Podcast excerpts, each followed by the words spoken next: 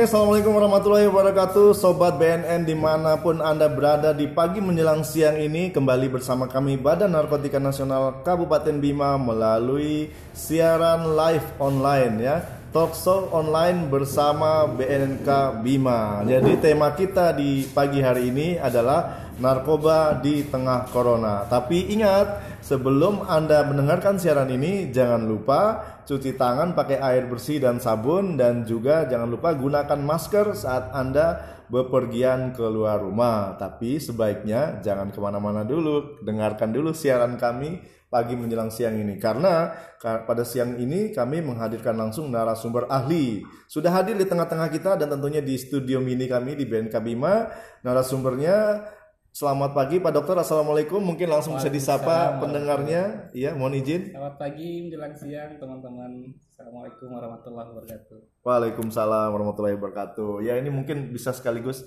diperkenalkan nama dan juga mungkin aktivitas hari-harinya siap. Ya, Uh, nama saya Muhammad Aliansyah. Uh -huh. uh, pekerjaan sehari-hari sebagai dokter. Ya, siap. Di BNNK Bima ini saya sebagai penanggung jawab klinik rehab. Ya, klinik rehab, oke. Okay. Juga aktivitas lain sih di Rumah Sakit PKU Muhammadiyah Bima. Siap, Rumah Sakit PKU Muhammadiyah. Ya, Oke, okay. Pak Pak Dokter, eh, ini sesuai dengan tema kita. Hmm. Seperti kemarin sudah dikatakan bahwa eh, narkoba ini sangat memudahkan untuk corona itu hadir ya. Iya, Jadi betul. sesuai dengan tema kita, judul kita yang kita bicarakan siang ini adalah narkoba di tengah corona. Iya. Ini tentu netizen, tentunya para pendengar dan juga uh, yang sedang menyaksikan siang hari ini penasaran, kok bisa narkoba sama corona itu gimana hubungannya? Iya. Mohon izin Dokter dijelaskan. jadi, jadi begini. Uh, kalau dari hasil penelitian para ilmuwan ya, ya jadi siap. narkoba itu kan mengandung zat adiktif ya. Zat adiktif ya, nah, oke. Okay. Zat adiktif yang biasanya zat-zat adiktif itu biasa menyebabkan uh, represi ya, represi atau ya. menekan dari sistem pertahanan tubuh. Pertahanan kita. tubuh, ya. Jadi sistem imun kita. Hmm. Jadi sistem imun itu kan sebagaimana kita ketahui seperti departemen pertahanan gitulah ya, yeah. atau seperti tentara. Gitu. Tentara. Nah, yeah. Jadi kalau di suatu negara itu dia seperti tentara hmm. yang tugasnya melindungi negara itu dari serangan uh, orang asing. Orang asing, orang luar. betul sekali. Nah, sama dengan tubuh kita. Jadi tubuh kita itu untuk dapat bertahan, untuk dapat bekerja dengan maksimal, maka dia yeah. harus dilindungi oleh tentara, tentara juga. itu ya. Nah, jadi tentaranya ini ya sistem pertahanan tubuh hmm. ini. Baik, baik. Nah, orang-orang yang mengkonsumsi narkoba, yang hmm. memakai narkoba hmm. tuh itu biasanya mereka karena konsumsinya itu menekan hmm. daya tahan tubuhnya hmm. tadi, sel-sel pertahanan tubuhnya ditekan hmm. sehingga fungsinya tidak maksimal. Oh, iya, iya. Jadi fungsi yang tidak maksimal itu menyebabkan hmm. kemampuan untuk menghalau serangan hmm. dari luar itu hmm. menjadi tertekan, turun tertekan. kemampuannya. Nah, sehingga apa pun jenis kumannya, apa pun jenis serangan dari luar itu dia lebih rentan dibandingkan orang pada umumnya. Pada umumnya ya. betul. Nah, apalagi corona. Corona ya. Jadi corona ini kan kita ketahui virulensinya itu sangat tinggi. Artinya tinggi. kemampuan dia untuk menyebar, untuk menyerang ya. seseorang hmm. itu sangat tinggi sekali. Hmm jadi kalau dibandingkan kayak jenis-jenis corona yang sebelumnya ya, kan pernah ada hmm. SARS, MERS siap, ya. Siap. Itu kan flu ya, ya, H1N1 uh, ya, ya. betul. Hmm. Itu tingkat virulensinya ternyata hmm. COVID-19 ini jauh lebih tinggi. Jauh lebih tinggi. Iya, Dan sampai tinggi. sekarang ini sampai pandemiknya sekarang. masih berjalan. Iya, ya? Jadi di seluruh dunia ini sudah sekitar 3 juta orang 3 yang, juta orang. Iya, yang terinfeksi dan sudah terkonfirmasi positif. Jadi yang belum terkonfirmasi positif mungkin lebih banyak lagi. Lebih banyak ya, iya, bisa karena, jadi dua iya, kali bisa lipatnya jadi ya. lebih banyak dari itu karena, karena belum terdeteksi. Iya, ya. betul. Kemampuan hmm. Tes itu kan terbatas sekali apalagi terbatas, betul. di negeri kita hmm. ya. Kemampuan tesnya kan terbatas. Jadi mungkin saja positif itu lebih banyak, lebih banyak hmm. dari itu. Nah, kembali lagi ke tadi. Ya. Ya, jadi kalau orang-orang peminum narkoba, teman-teman pemakai itu ya. memang resiko jadi meningkat karena pertahanan tubuh yang menurun tadi menurun. Gitu. Jadi kalau sekarang itu kita konsumsi narkoba, apalagi baru mau coba-coba oh, ya, ya, ya itu sama halnya ya. itu ngundang diri untuk terinfeksi corona, Corona, lagi tuh iya. iya, itu Jadi kalau saat-saat sekarang kalau mau dekatin narkoba langsung dapat bonus ya. Iya. Langsung kena corona Iya. ya. Aduh nauzubillah min jalik. Karena padahal sebelum datang corona ini sendiri kalau kena narkoba itu ada 3M ya. Iya, Kalau nggak salah itu apa aja Pak Dok? 3M itu. Masuk rumah sakit, Heeh, masuk rumah penjara, sakit, masuk penjara sama masuk masuk, kuburan. kuburan nggak banget ya itu ya. Iya, sama nggak enaknya kan Mending saya masuk rumah makan aja Iya. nih, tapi lagi puasa Pak Dok. kalau corona ini ini lebih parah lagi Siap. kalau yang tadi itu sebelum corona Iya. datang itu hanya masuk kuburan tapi masih bisa diantar keluarga gitu ya. Ini- kalau corona ini masuk kuburan nggak bisa Ya, diantar terkeluarga, keluarga. aduh amit-amit cabang bayi nggak ada nggak ada. Ditungguin waktu sakit aja nggak bisa. nggak bisa, ya. Apalagi diantar ke Dan kuburan. itu pun resiko meninggalnya cepat ya, gampang Iya. ya. Risikonya cukup tinggi Cukup ya. tinggi. Jadi- Kalau narkoba kan jangka jangka panjang ya, Pak Dok, ya. Jadi, jadi- dia dia ibaratnya menyakiti atau mematikan itu perlahan. Iya, perlahan. Kalau corona ini langsung ya. Iya, kalau corona ada ada iya. indeks indeks hari dan waktunya. Jadi iya, jadi memang kalau sekarang itu beberapa ahli mengatakan tingkat keparahan penyakitnya itu bisa Iya. 14 sampai 20 persen. 14 sampai Iya. 20 persen. Jadi dari 100 orang itu bisa 14 sampai 20-nya itu parah kondisinya. Iya, siap. Sehingga sangat mungkin menyebabkan kematian apalagi Hmm. dengan fasilitas kesehatan yang mungkin belum sebaik di negara-negara maju ya Betul, pertama betul. eh, apalagi kita di Indonesia kan ya bisa kita maklum aja ya jadi Iya. memang kondisinya itu fasilitas kesehatan kita sangat terbatas jadi sekali lagi Mhm. saya ingetin nih teman-teman semua ya Siap. jangan coba-coba pakai narkoba, Narkoba, ya. iya Selain merusak kesehatan Selain juga merusak akan kesehatan. berurusan dengan hukum ya. iya Nanti ditangkap sama Iya, aparat ya. Oke, sebelum kita lanjut ini sudah ada komentar yang masuk.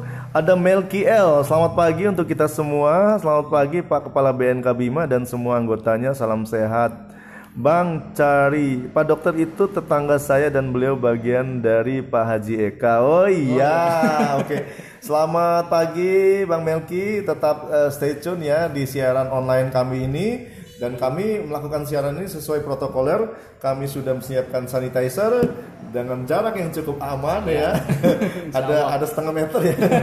Dan juga Ya, kami menggunakan masker, tapi karena memang kita butuh audio yang jernih, sementara masker kita simpan dulu. Dan tentunya kita tetap mengikuti uh, anjuran pemerintah untuk tetap di rumah. Dan buat Anda semuanya Cukup kita yang bekerja di kantor, Anda tetap dengerin di rumah saja. Iya. Tapi sebelum dengerin jangan lupa jaga kebersihan, kebersihan. cuci, Cuci tangan, tangan pakai, pakai air sabun. pakai bersih. Betul. Mungkin eh, Pak Dokter bisa memberikan praktek bagaimana cuci tangan Oh yang iya, baik secara ini aja, secara praktek ini kering Iya, aja walaupun pakai air mungkin mungkin Iya, bisa, bisa. mungkin eh, netizen ingin melihat ini bagaimana cara yang yang yang, yang Cuci bagus tangan yang ya baik cuci tangan ya. yang baik ya. Iya, Nah jadi- sekarang kita praktekkan ini cuci tangan yang baik. Jadi ada enam langkah ya, cuci Ya, enam tangan langkah ya. itu, Mhm. ya. Eh, pertama kita ambil air dulu, Air ya. dibasahin, Ya, baru siap. di- Ini mungkin bisa dipakai praktekin ya. ini ada ada sanitizer. Ini Ya. penggantinya Ya, sabun ya, bisa. Sabun ya, saya saya ada sanitizer. Oke, siap ya. Jadi kita Mhm. hmm, kita, Kita- teteskan Teteskan ini. ya, cukupnya ya. Kemudian Ini kita menggunakan sanitizer ya. pertama kita basuh bagian Bagian telapak telapak ya. tadi kemudian eh, Ya. punggung, Punggung, tangan, tangan, kemudian sela-sela jari, sela-sela jari ya. sela-sela jari, kemudian mengunci, gerakan Mengunci, mengunci, gerakan mengunci. lalu kemudian kita putar di ibu jari, Ya. ya, ibu jari yang kanan dan kiri juga Ya. ya. Kemudian kita yang terakhir diputar di Putar. Eh, telapak tangan. Jadi bagian-bagian yang di sekitar kuku ini Oh iya. juga ikut dibersihkan. Dibersihkan. Ya. Kok kayak ngulek bumbu ya saya lihat Iya. ya. Jadi Iya iya. Iya. itu eh, kenapa harus menggunakan enam langkah itu? Enam langkah ya. Karena bagian tangan kita ini kan permukaannya ini kan ada yang terekspos dan Iya. terlihat dengan jelas, Iya. yang bisa dengan satu atau dua gerakan saja. Ada juga yang agak tersembunyi nih. Ada yang tersembunyi. Nah, Iya. kayak di sela-sela jari, di sekitaran kuku situ Kuku, kan, ujung jari ya. Mhm. Maka memang gerakannya harus seperti itu. Harus itu, harus Iya. enam langkah. Iya, enam langkah. Lebih nggak apa-apa ya. Jangan kurang ya. Iya nggak apa ya. Lebih itu harus berapa lama itu? Harus berapa lama? itu kalau misalnya kita Dari semua enam langkah itu ya. ya, Mhm. itu bisa eh, 15 sampai 20 detik ya. aktivitas itu ya. Ah, 20 detik ya, Iya, untuk 15 sampai melakukan 20 detik. Hmm. Kalau menggunakan sabun lebih lama ya. Lebih lama karena kelembapannya lebih tinggi ya. Eh, ya, menggunakan sabun itu eh, dua kali lipat Dua kali waktunya lipat ya, ya. daripada menggunakan hand sanitizer aja sih. Oh iya iya siap siap. Jadi sudah jelas ya bagaimana cara mencuci tangan yang baik dan benar. Langsung nih Pak dokternya yang ngasih tahu. Iya. Oh ya, jangan lupa buat eh, para pendengar dan juga penonton yang setia yang budiman tetap ikuti siaran kami karena nanti kami akan bagi hadiah-hadiah souvenir menarik ya, hadiah gratis dari Badan Narkotika Nasional Kabupaten Bima. Tentunya dengan menjawab pertanyaan dari kami. Jadi mereka yang berhasil menjawab nanti kami akan kasih hadiah. Dan tentunya jangan lupa untuk like ya, untuk like halaman kami ini dan juga follow juga akun YouTube kami. Nanti siaran ini buat kalian yang nggak mantau semua nanti bisa nonton di videonya di YouTube BNNK spasi Bima. Sekali lagi BNNK spasi Bima dan jangan lupa ada juga siaran kami di Spotify dan podcast ya. Podcast Spotify Ansor.fm. Oke, kayaknya ada komentar lagi Pak Dokter mungkin bisa dibaca itu dari siapa itu? Dari Al Dari Alfaturi, Alfaturi ya. ya. Komennya Mantap mantap dan BNK Bima. Bima. Itu apa lagi tuh? Nah, itu Pak Melki L kalau nggak salah. Melki ya. Heeh. Tolak dan katakan tidak pada narkoba. Iya, kalau COVID-19 Kalau COVID-19, waspada. jaga jarak. Hmm, pemerintah oke. Oke. Nah, itu ada lagi satu di bawah itu. Ini dari Pak Arasidun, Arasidun. Ah, orang Wah. Bima kayak ini. Iya, kayaknya. kelihatan Jaya, nama ya. Jaya terus. Jaya terus Terus BNNK BNK Bima, sehat selalu untuk kita semua yang Hmm. pantengin channel ini. Oke. Tetap kuat, kita bisa melewatinya, insya Allah. Oh, Oke. Selanjutnya kita masih ngomongin tema kita di pagi menjelang siang ini narkoba di tengah corona. Iya. Nah, tentu ini menjadi rasa penasaran sendiri bagi kami. Kenapa harus narkoba di tengah corona gitu kan? Jadi tadi Pak Dokter udah ngatain kalau yang mereka yang makin narkoba itu rata-rata pola hidupnya nggak higienis ya. Iya. Itu kok kok bisa kayak gitu Pak Dokter? Jadi memang pengaruh narkoba itu Mm-hmm. ya bergantung apa berpengaruh juga pada pola hidup sih. Pola hidup ya. Jadi kalau orang menggunakan narkoba itu kan banyak efeknya ya, efek Iya. tubuh misalnya dia jadi melek terus, Mm-hmm. ya, kemudian eh, Jarang mandi pasti. eh, jarang mandi gitu ya. Karena takut sama air. Jadi eh, nafsu makan berkurang, Iya. bahkan bisa tidak makan cukup lama ya. Cukup lama ya. Padahal kan sebenarnya kalau kita eh, fisiologi tubuh manusia itu kan membutuhkan Harus makan Hmm. tiga asupan kali. nutrisi yang mencukupi. minimal tiga kali sehari. Ya bisa tiga kali sehari ya. Mhm. Jadi memang eh, kalau orang dengan pola hidup seperti ini ya, misalnya jarang mandi, kemudian makannya itu tidak teratur ya, atau bahkan bisa tidak makan dalam waktu cukup lama, itu berpengaruh pada sistem eh, pencernaan, Jadi, pengaruh pada sistem pencernaan dan itu bukan hanya kena ke sistem pencernaan, jadinya kena semua bisa. Kena semua ya. Jadi Mungkin panca indera juga penglihatan, pendengaran, ya, bahkan ke otak ya. ya Sel saraf. yang ya. besar sekali memang pengaruhnya ke otak ya. dan sistem saraf ya. Iya, jadi terus terang eh, pengguna narkoba ini ya, s- eh, belakangan ini memang banyak sekali yang pada akhirnya akan dia awalnya pengguna narkoba lama-lama meng- mengalami gangguan mental, Gangguan mental. gangguan mental kemudian sampai gangguan mental yang cukup berat Siap. sehingga penanganannya bukan lagi pada ketergantungan pada narkoba saja ya, tapi juga berpengaruh apa dilakukan penanganan pada Pola kehidupan masalah psikologisnya, psikologinya ya. sehingga tidak jarang memang mereka ini di juga dirawat di rumah sakit jiwa ya Oh iya iya iya. karena ada pengaruh dari Jadi perilaku berpengaruh juga ya. oh iya sangat berpengaruh Jadi pola-pola cara-caranya, aktivitasnya Iya. ya. Oh iya iya mantap mantap mantap. Oke, eh, itu sudah sangat jelas ya Iya. bagaimana narkoba itu sangat berbahaya sekali. Iya. Jadi jangan coba-coba mendekati yang namanya narkoba. Iya. Anda sekali dekati narkoba berarti Anda sudah mendekati dengan kematian ya. iya benar Dan sebelum mati tuh bisa ada M-nya yang lain lagi tadi. iya Masuk, rumah sakit. dulu I- ya Iya kalau masuk rumah sakit ini masuk rumah sakit jiwa. parah masuk, ya masuk penjara aduh no Iya, bilang penjara.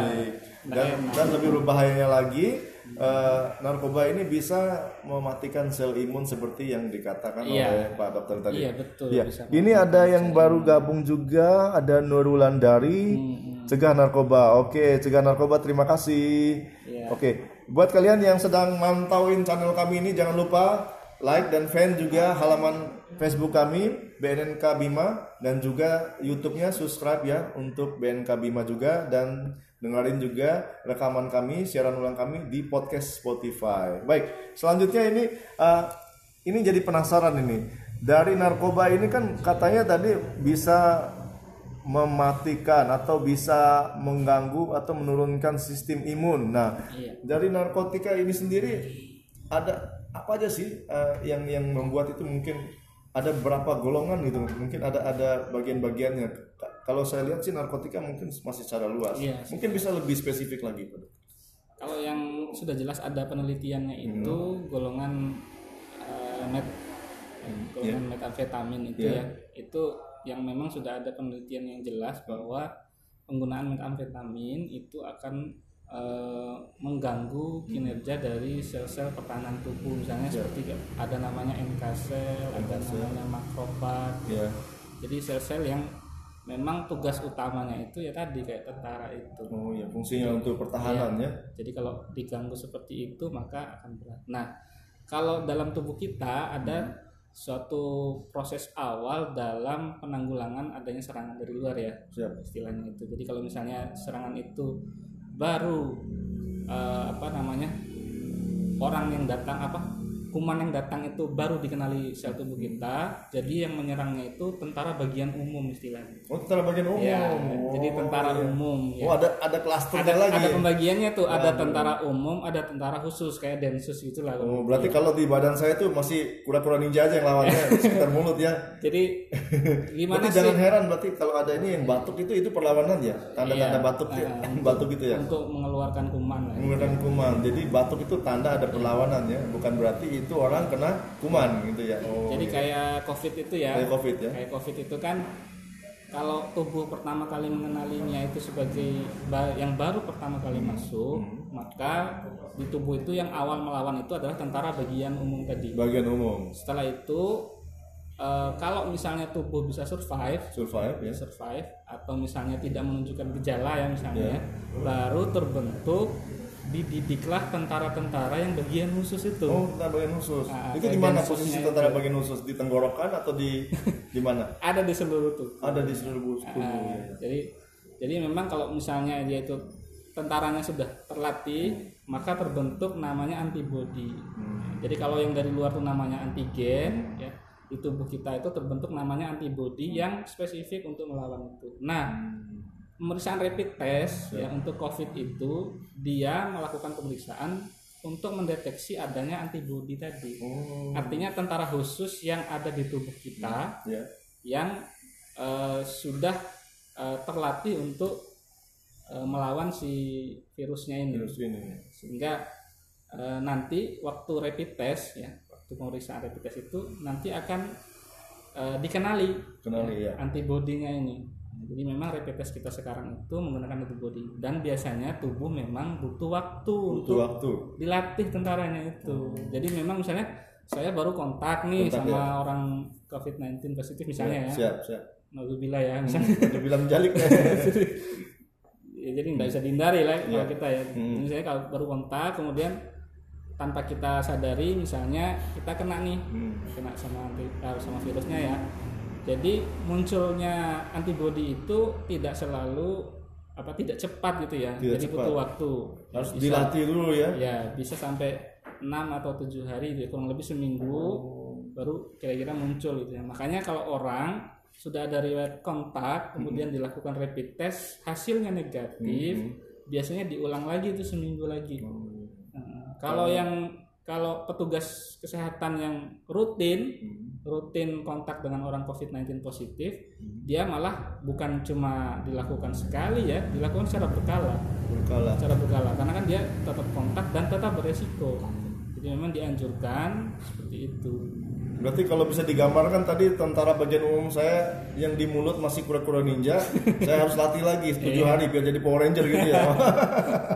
ya Power Ranger khusus yang ngelawanin yang khusus lawan Iya, ini ya, Covid ya. Oke, baik. Kayaknya ini menarik ini. Kita sapa-sapa dulu pendengar yang sudah bergabung. Ada Alfa Turi juga, ada rekan-rekan yang ada di BNK mana ini? Ada di BNK Sumbawa Barat juga. Selamat pagi. Ada juga yang ada di provinsi. Monitor nih Jenderal nih Pak Jenderal. Mohon izin Pak Jenderal sekarang bersama Pak Dokter. Jadi lagi lagi membahas tentang narkoba di tengah corona. Oke, selamat pagi Jenderal. Eh, selamat eh, melaksanakan tugas. Terima kasih atas bimbingan dan arahannya selama ini. Dan selanjutnya ada dari Salsa Bila. Itu apa tuh katanya tuh? Efek Salsa narkoba dapat merusak kesehatan secara fisik dan kejiwaan. Mantul BNK Bima. Oke, tentu Kita kalian mantul balik ya. Kita mantul balik ya Teng gitu kan. Karena saya tentara umumnya nih kura-kura ninja nih. Nanti mungkin insya Allah mungkin seminggu lagi berubah jadi Power Ranger. Dan harapan saya mereka jadi Avenger ya. Ya. Oke, ini ini menarik. Jadi em, ini penjelasannya sangat eh, detail sekali. Jadi kalau kalian penasaran, yang belum mantau dari awal bisa dengarkan siaran ulang kami ini di podcast atau Spotify dan juga jangan lupa tonton siaran ulangnya di YouTube. Jangan lupa subscribe dong ya BNNK spasi Bima. Betul. Nah tadi kita ngomongin sistem imun nih Mm-mm. dan sekarang yang mau, mau Mimin tanyakan Heeh. mimin mimin apa penyiar sih ini bagaimana ciri-ciri orang yang sudah kena corona kalau iya. ciri-ciri orang kena narkoba kan sudah jelas tuh. Iya benar tuh. Iya. Nah, apa kita mau sebutin dulu ciri-ciri orang pakai narkoba atau yang corona nih? Iya. Atau mungkin sekalian nih Pak Dokter? Langsung Ya, silakan. ya. Oke. Eh, jadi kalau orang yang memiliki corona itu kan sebenarnya sekarang tuh ada pembagiannya ya. Pembagiannya ya. Jadi kalau ada yang pertama itu pelaku perja- perjalanan tanpa gejala yang kita kenal PPTG itu ya. PPTG, Nah. Pelaku perjalanan perjalanan tanpa gejala. Oke, Kedua satu. itu ada OTG ya, OTG. kayak orang tanpa gejala ya. Kirain sambungan flash di. Eh, orang Jadi tanpa gejala ya. eh, orang yang sudah ada terbukti Ya. eh, kontak tapi tidak menunjukkan gejala ya. Kemudian ada istilah kita ODP ya. ODP, Eh, orang dalam orang dalam pengawasan. pengawasan. orang dalam eh, pengawasan. Kemudian yang ketiga, yang keempat itu ada namanya PDP ya. PDP, Pasien dalam pasien dalam pengawasan. Kalau tadi orang dalam pemantauan. pemantauan. PDP. Oh, iya, iya. Jadi pasien dalam pengawasan. Kemudian yang terakhir tentu yang sudah terkonfirm positif ya.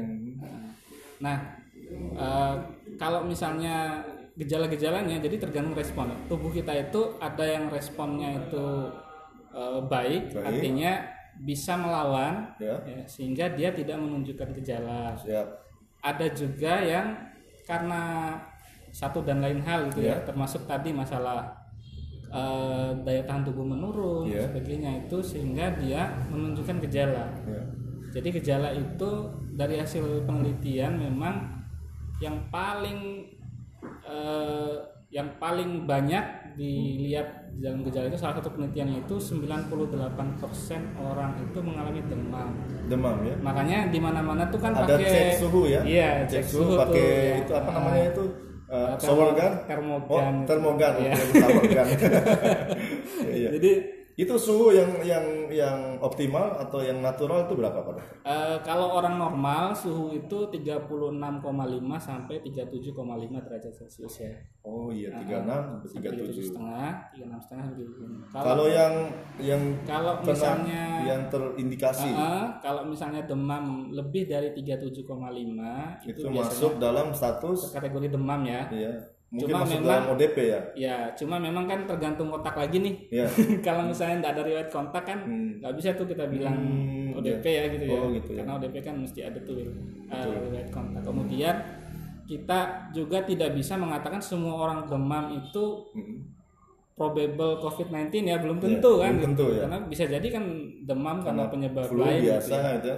Tapi memang untuk kewaspadaan, Ya. terutama daerah-daerah merah ya, Ya, siap. itu memang kalau orang demam itu memang kita eh, apa beri perlakuan khusus ya. Kayak kita di sini layanan di kita di sesuai kantor. dengan Ya, edaran ya. dari Protokolnya ya. BNN provinsi ya itu eh, untuk eh, klien dan keluarga yang datang ya, kalau memang kan anjurannya nih kita melakukan eh, rehab ya Ya.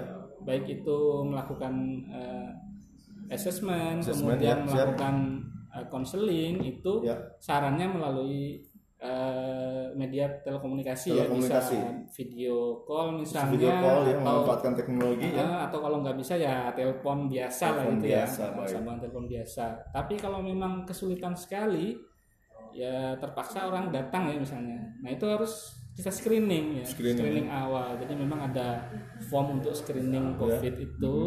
Kalau memang resikonya rendah ya kita terima seperti biasa tapi dengan pengaman ya Hmm. yang menggunakan masker, Masker, kemudian wajib menggunakan masker ya. tugas kita itu minimal ya pakai APD level APD, 1 ya Level 1. APD level 1 itu, Itu apalagi tuh APD level Saya kira mie goreng aja ada levelnya.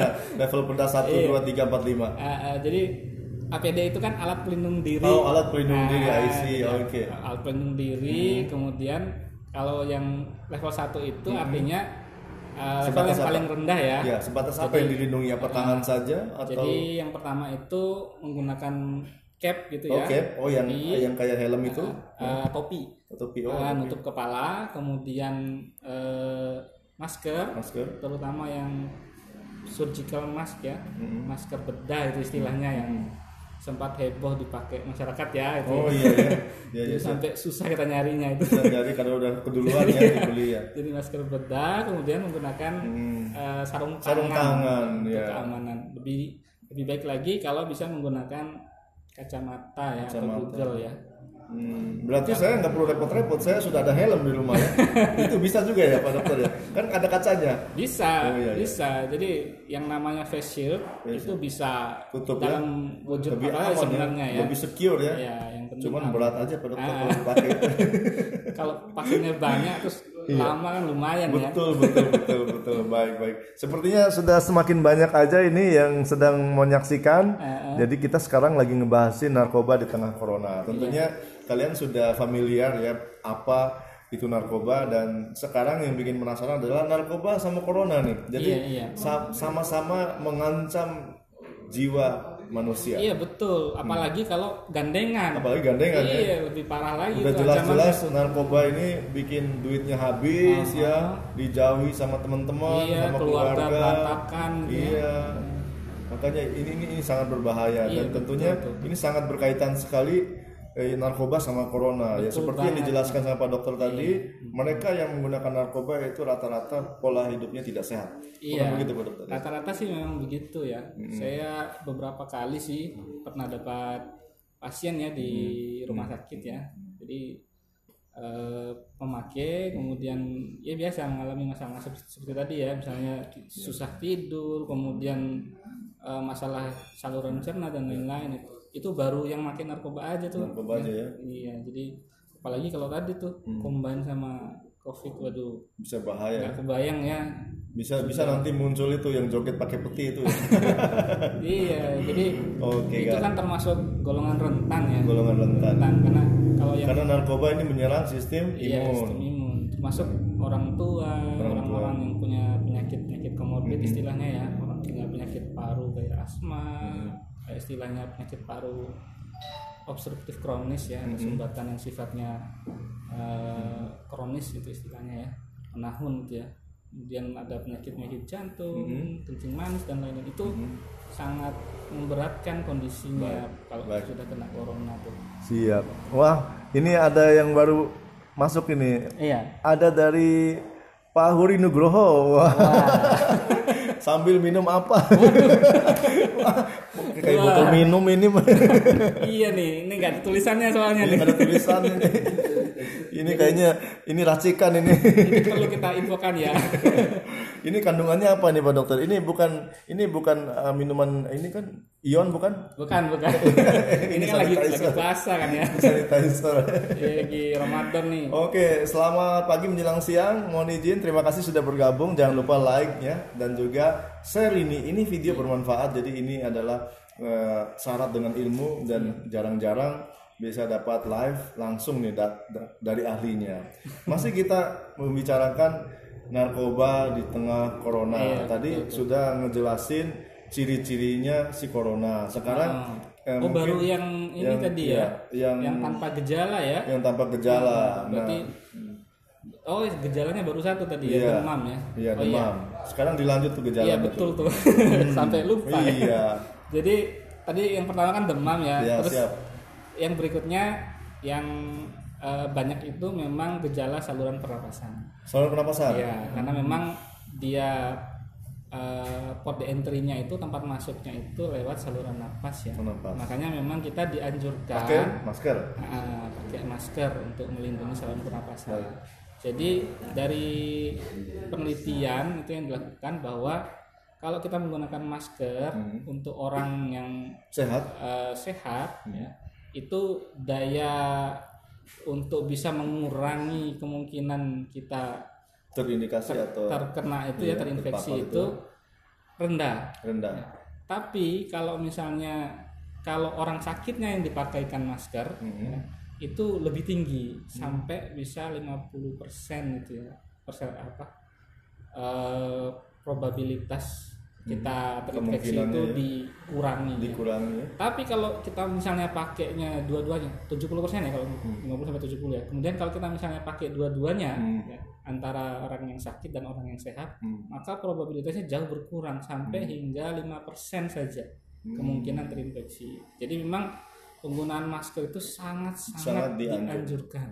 Sangat sangat dianjurkan. Siapa saja ya, siapa pun orangnya itu Mau yang sehat, mau maupun yang sehat, tidak sehat juga yang tidak sehat pakai. pakai masker. Ya. Dan Jadi, harapannya semuanya bisa sehat. Iya, apalagi kan kita nggak tahu nih. Siap. Misalnya kita memang sudah terinfeksi, tapi nggak menunjukkan gejala. Jadi Betul. istilahnya kan carrier ya. Siap. Carrier itu kan Hmm. pembawa gitu ya. Betul. Sama kayak narkoba dong. Narkoba ada kurir. Oke, Iya. sebelum kita lanjut kita sapa-sapa dulu ini eh, pendengar setia kita. Waduh, ada yang bergabung dari Lombok nih dari jauh nih luar biasa. iya, selamat pagi menjelang siang. Mohon izin Jenderal ada dari Kepala BNPNTB, Bapak Gede Sugianyar Dewi Putra. Ya, selamat pagi Oke. Hendra. Jadi ini adalah siaran online kami, talk show, talk show online ya. Jadi biasanya kalau kita talk show itu kan kita mendatangi dari tempat ke tempat karena sekarang memang anjuran dari pemerintah kerja dari rumah. Anda cukup dengerin dari rumah saja biar kami di kantor yang bekerja dan siaran. Kita siaran di kantor, Anda dengarnya di rumah saja. Tapi jangan lupa sebelum mendengar siaran ini ataupun sedang mendengar siaran ini tetap jaga kebersihan. Jangan lupa cuci tangan pakai air bersih dan sabun ataupun hand sanitizer. Ini Setelah yang, di- itu, yang ya. dianjurkan sih pakai sabun ya. Pakai sabun, Nah, betul. Tadi revisi sedikit ya. Mm, Jadi ya. kalau pakai hand sanitizer itu 20 sampai 30 detik. 20 30 detik saja. Kalau pakai sabun, Sabun. 40 sampai 60 detik. 40 Jadi sampai kurang 60 lebih detik. satu menit lah. Satu kita menit. bersihkan. Aktivitasnya ya. Dengan Atau mungkin masih langkah itu ada ya. yang baru bergabung penasaran lagi karena ini sudah lewat semenit ini. Kita cuci tangan lagi ulang. Kan jaga-jaga yuk kita cuci tangan lagi yuk. Ya, Boleh, sekarang boleh. Pak dokternya langsung praktek ini gimana cara cuci tangan yang baik dan benar. Ya saya selama ini saya belum terlalu hafal Pak dokter, jujur aja saya ini. Karena tentara bagian umum saya masih sebatas kekuatannya pura-pura ninja ya. Oke ya. Iya, ya, Jadi oke. mulai Ya. telapak tangan. Telapak tangan ya. Kemudian punggung tangan. Punggung tangan Ya. ya. ya. Punggung tangan kiri Ya. dan kanan. Kiri dan kanan ya. Baru kemudian sela-sela jari. Sela-sela ya. jari ya.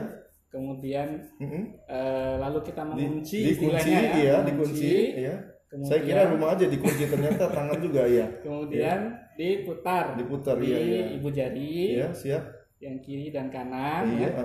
Kemudian kita putar lagi putar di eh, ujung-ujung jari ya.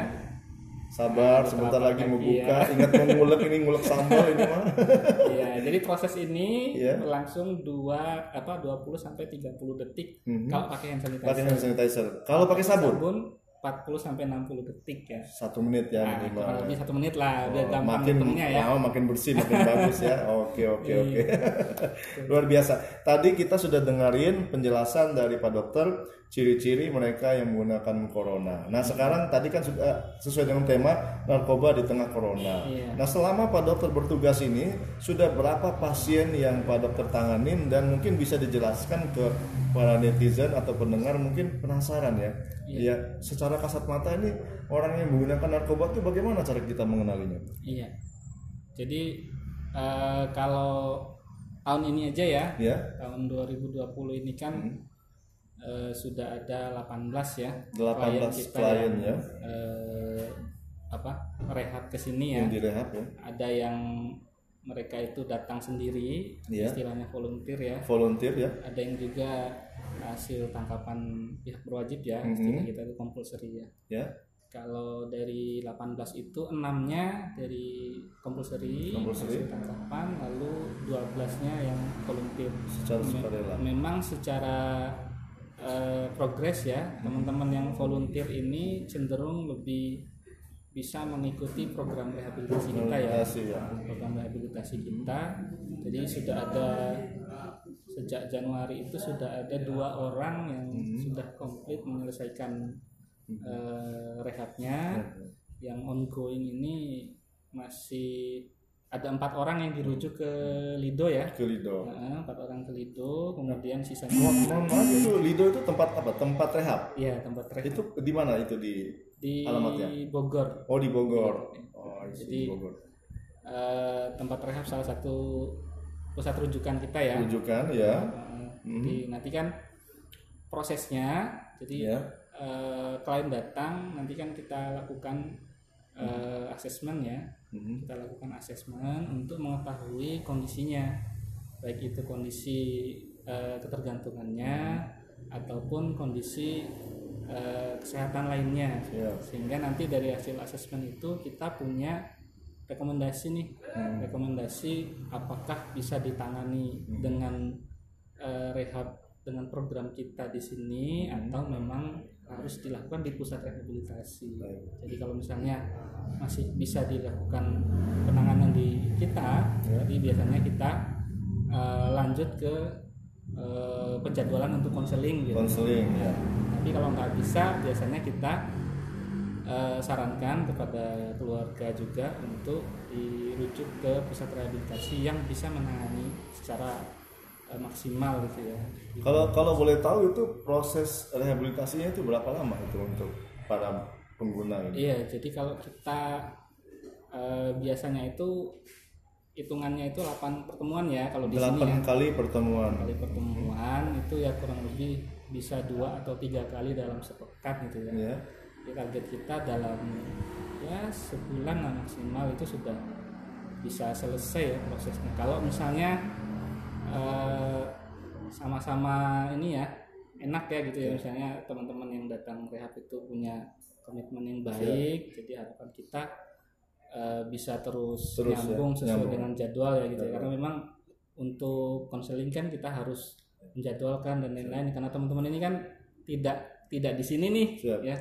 Ada yang di rumah, ada yang dalam pengawasan orang tua dan lain-lain. Sehingga memang dalam proses rehabilitasi kita perlu banget tuh ngelibatin keluarga, Keluarga, ngelibatin masyarakat sekitar kalau perlu ya karena eh, terus terang kalau untuk waktu dengan kita kan sangat terbatas nih. Terbatas. Coba bayangin aja tuh, misalnya dalam sepekan anggaplah dua kali pertemuan gitu ya. Satu kali pertemuan nggak lama lah ya. Paling bisa 15 sampai 30 menit misalnya ya. Kemudian di rumah itu kan lama banget ya Ya. dan mereka itu harus survive untuk mampu bertahan. Jadi memang dukungan dari keluarga, dukungan dari masyarakat terutama ya itu sangat kita butuh ya. karena memang teman-teman pengguna ini mereka itu rata-rata ya itu yang menggoda mereka untuk make itu Mm-mm. ya itu kan selain dari diri sendiri muncul godaan itu juga Pengaruh dari juga lingkungan. dari lingkungan. Jadi memang eh, menurut saya tuh penting sekali peran dari orang-orang di sekitar ya, Betul. terutama misalnya aparat sekitar ya, aparat baik dari Untuk RT, selalu RW, memberikan dukungan dan selalu support. support iya. Tapi ngomong-ngomong ini tuh. da- dengan mekanisme yang dianjurkan pemerintah untuk tidak harus bertemu ini bagaimana nih cara teman-teman rehab Iya. untuk melakukan visiting selama 8 kali itu apa melalui video call atau apa bagaimana? Iya. Ada mekanisme lain di tengah Iya. corona ini? Jadi tadi saya sudah sampaikan ya. Ya. Jadi kalau anjuran memang secara nasional kita dianjurkan untuk eh, melakukan kegiatan konseling Hmm. itu memang melalui video call ya. Hmm. Jadi kita bisa memantau juga kan kondisi teman-teman tuh Ya. kayak gimana kondisinya, terus bisa melihat realnya kan gitu ya. Iya.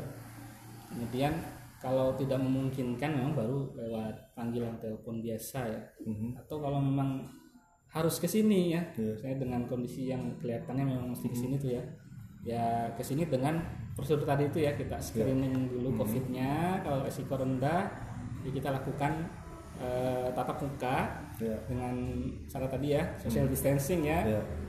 jarak lebih dari satu, Satu meter, meter. gitu ya kemudian pakai masker Pakai masker ya. ya kemudian petugas kita pakai APD APD level 1 itu. level 1. Jadi memang itu yang sekarang sudah kita lakukan juga ya, teman-teman sudah eh, teman-teman konselor sudah melakukan panggilan via telepon ya via telepon.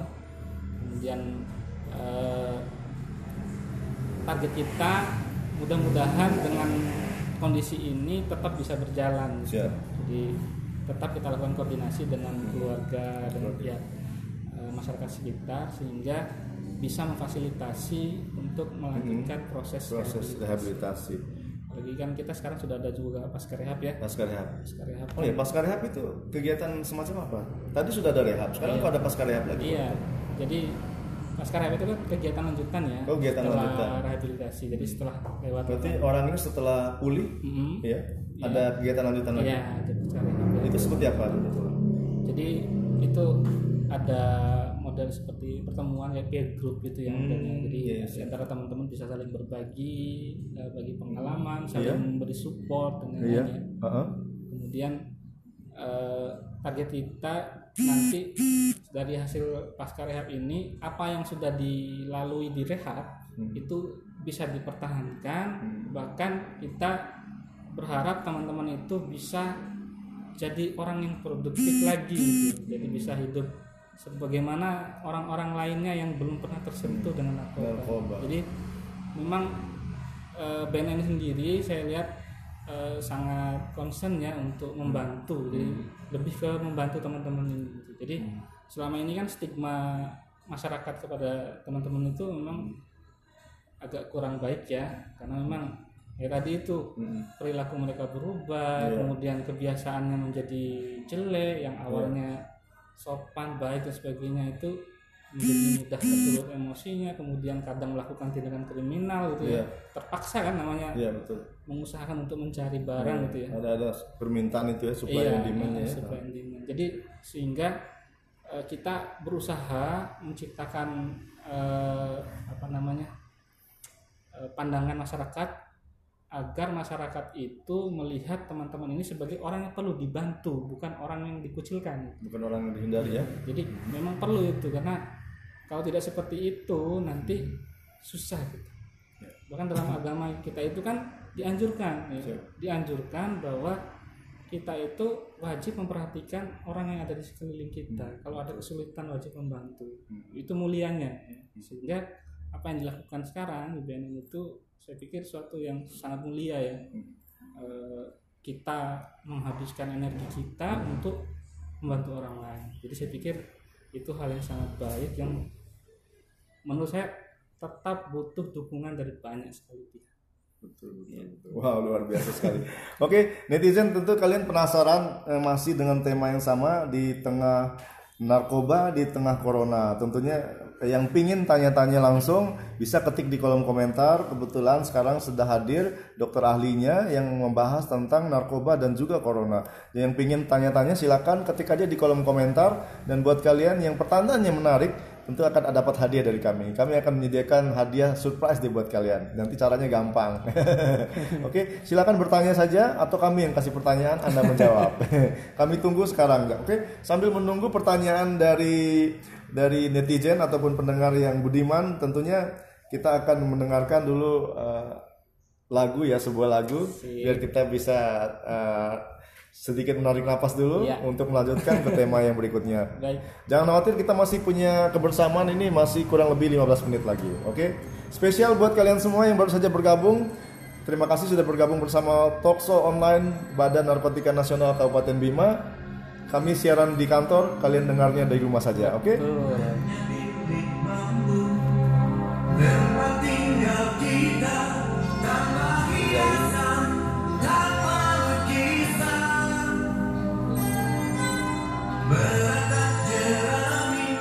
Banyak banyak yang komen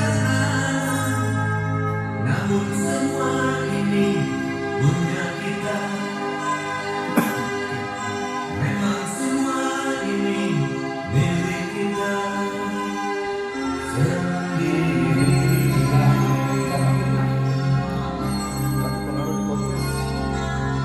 kecil masuk di podcast. Kan soalnya lokas tau pada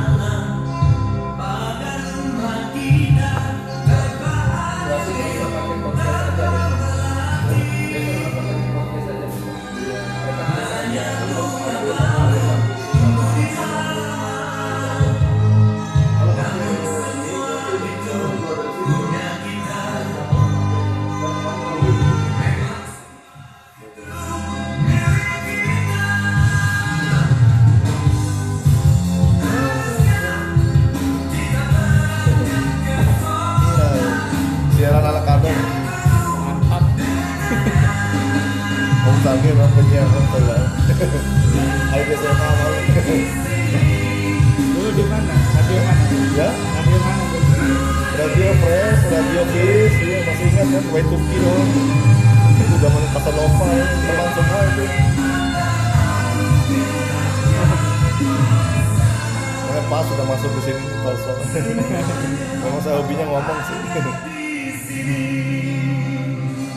Habis ini kita ngomongin apa ya? Kiat-kiat aja deh kiat-kiat untuk meningkatkan imunitas.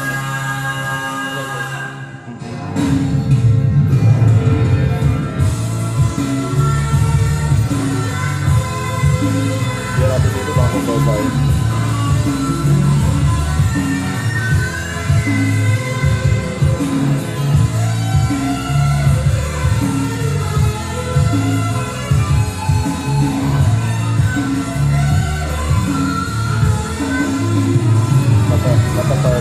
Mantap katanya Pak Jenderal jenderal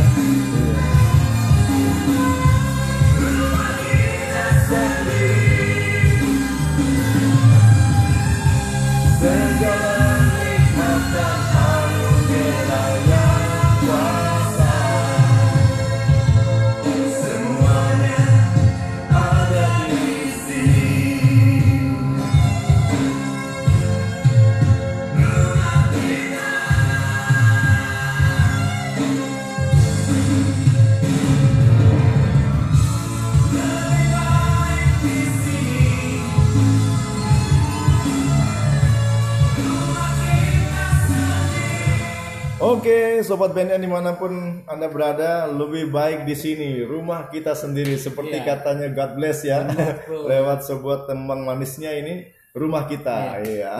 jangan banyak keluyuran ya Jangan banyak keluyuran, lebih baik di rumah saja. Apalagi pas buka itu, mending di rumah Iya, aja. Kalau keluyuran nanti nggak bisa buka nanti. ya. Iya, jangan ngabuburit nanti.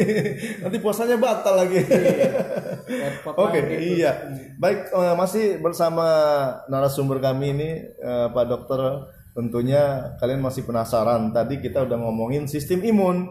Nah, sekarang kita boleh dong kita tanya lagi bagaimana nih cara meningkatkan sistem imun, menjaga sistem imun di saat-saat pandemik seperti ini. Ya, mohon izin Pak Dokter bisa Iya. dijelaskan ya.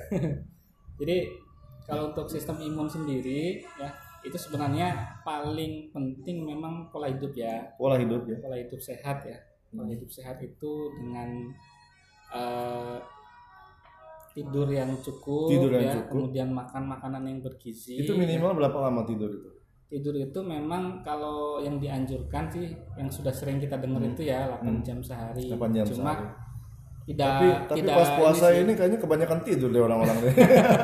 memang sih katanya tidur ibadah ya Betul ya. Tapi Tapi, kalau kelamaan tidur, tidur ma- tuh. malah bisa jadi latihan nanti. jadi Iya. eh, dianjurkan sih memang itu konsumsi makanan yang bergizi. Bergizi, kalau, ya. kalau perlu bisa nambah vitamin ya. Nambah Jadi vitamin. vitamin yang dianjurkan terutama dalam situasi corona ini vitamin C dan vitamin E ya. Vitamin C dan vitamin E. Hmm. Nah, buat buat saya yang awam ini vitamin C itu dapatnya dari mana itu? Apa harus benar-benar murni vitamin atau langsung dari buah mungkin atau yang mengandung itu yang yang nyerempet-nyerempet dikit lah. Iya, vitamin C itu ya Iya. bisa dari buah-buah yang sudah umum kita kenal ya, Hmm. yang paling sering orang dikonsumsi kan jeruk ya Jeruk, katanya, mhm. atau katanya yang banyak juga itu cabai ya gitu. Aduh, cabai jadi vitamin itu. Iya cabai itu banyak loh vitamin Oh, C. berarti yang makan ayam-ayam geprek itu vitamin juga ya? Waduh, saya nggak hobi pedas. Ini Pak dokter langsung merah muka saya. Jadi Iya, terus terus wah saya baru-baru dengar ini kalau cabai jadi vitamin C. Wah. iya itu Operatornya langsung ngiler itu ngomongin ayam geprek. kandungan kandungan vitamin C itu Iya. di cabai itu cukup tinggi. ya. Cukup tinggi. Nah, jadi jangan khawatir ya untuk peminat apa Ayam geprek, ayam geprek. sambal pedas. Ya, Tadi ulek-ulek ya. Wah, jangan-jangan nanti pas buka puasa udah siapin cabai semua ini. kemudian kalau misalnya mau yang praktis, Mm-mm. misalnya kita nih kesulitan nih ngitung nih kalau konsumsinya kira-kira cukup nggak sih? Nah, ya gimana cara hitungnya? Mending nambah ini aja lah, nambah multivitamin gitu Iya, ya. aha. multivitamin yang mengandung eh, vitamin C dan Iya. vitamin E. Banyak sih dijual bebas ya, Hmm. karena ter- termasuk obat bebas itu yang bisa dijual belikan.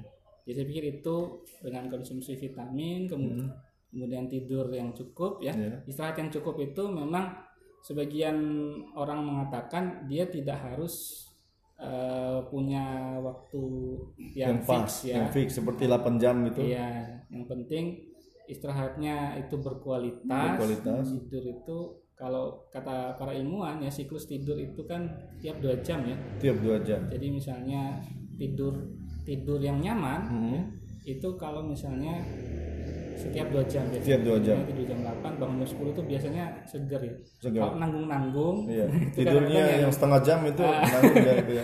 itu kadang seperti apa? Jadi kurang segar gitu ya. Mm-mm. Kemudian tadi konsumsi makanan yang bergizi. Bergizi. Ya, kalau katanya yang dulu tuh empat sehat lima, Lima sempurna. gitu. ya.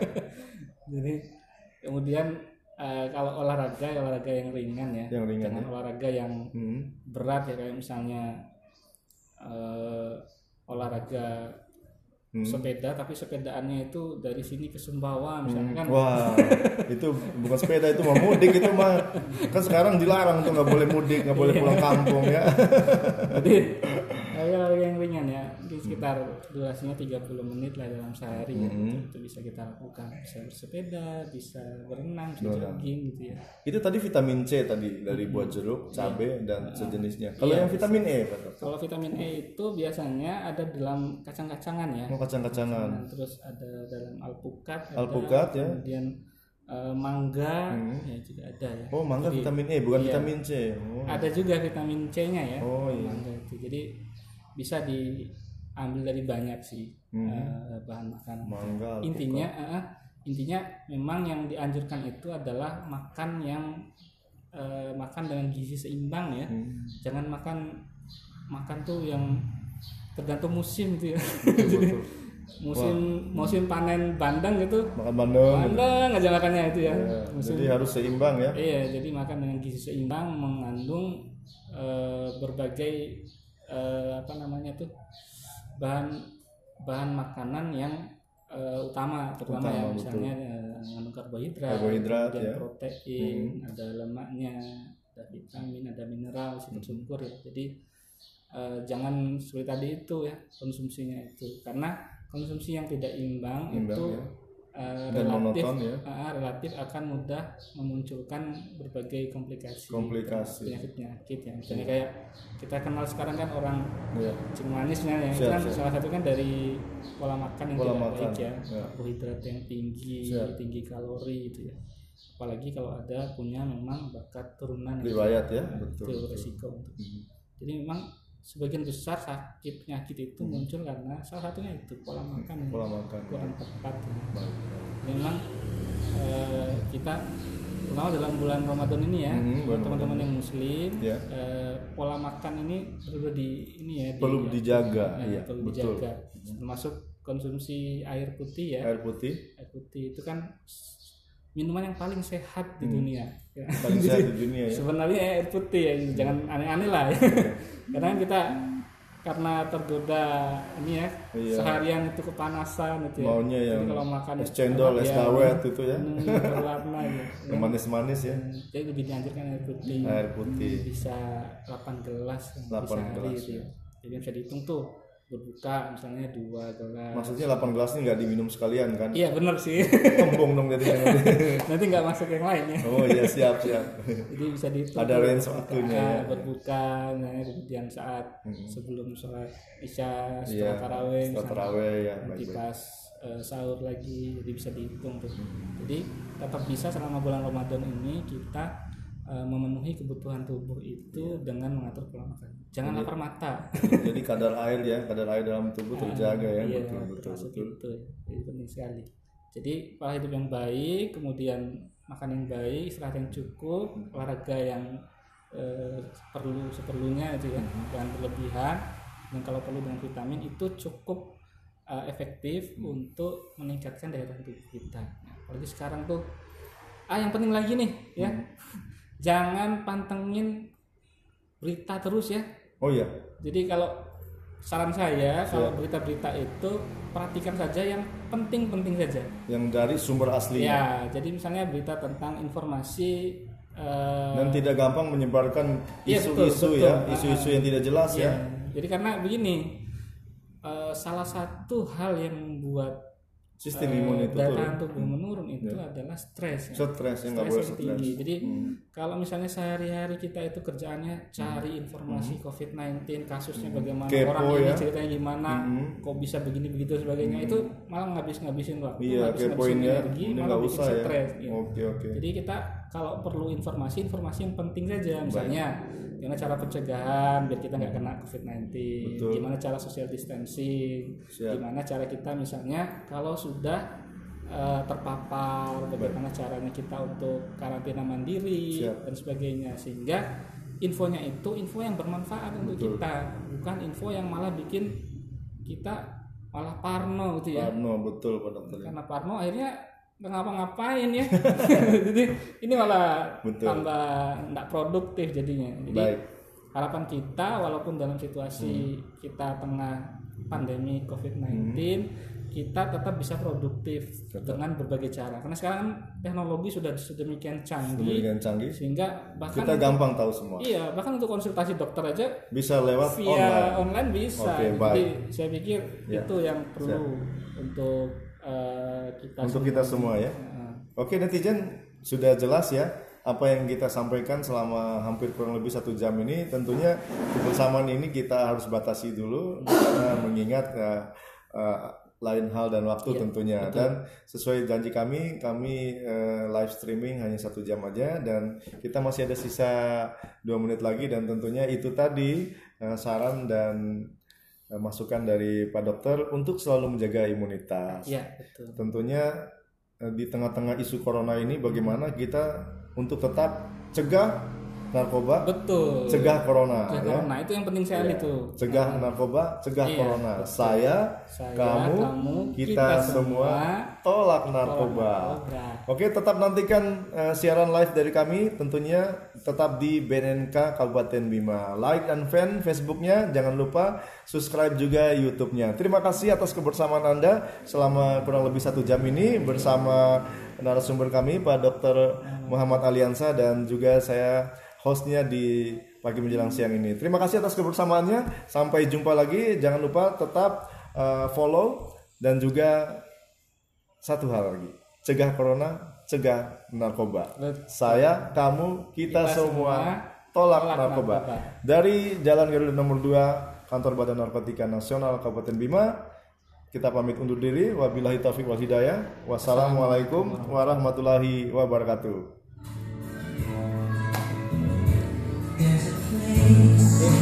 Mas. Kurang dikit.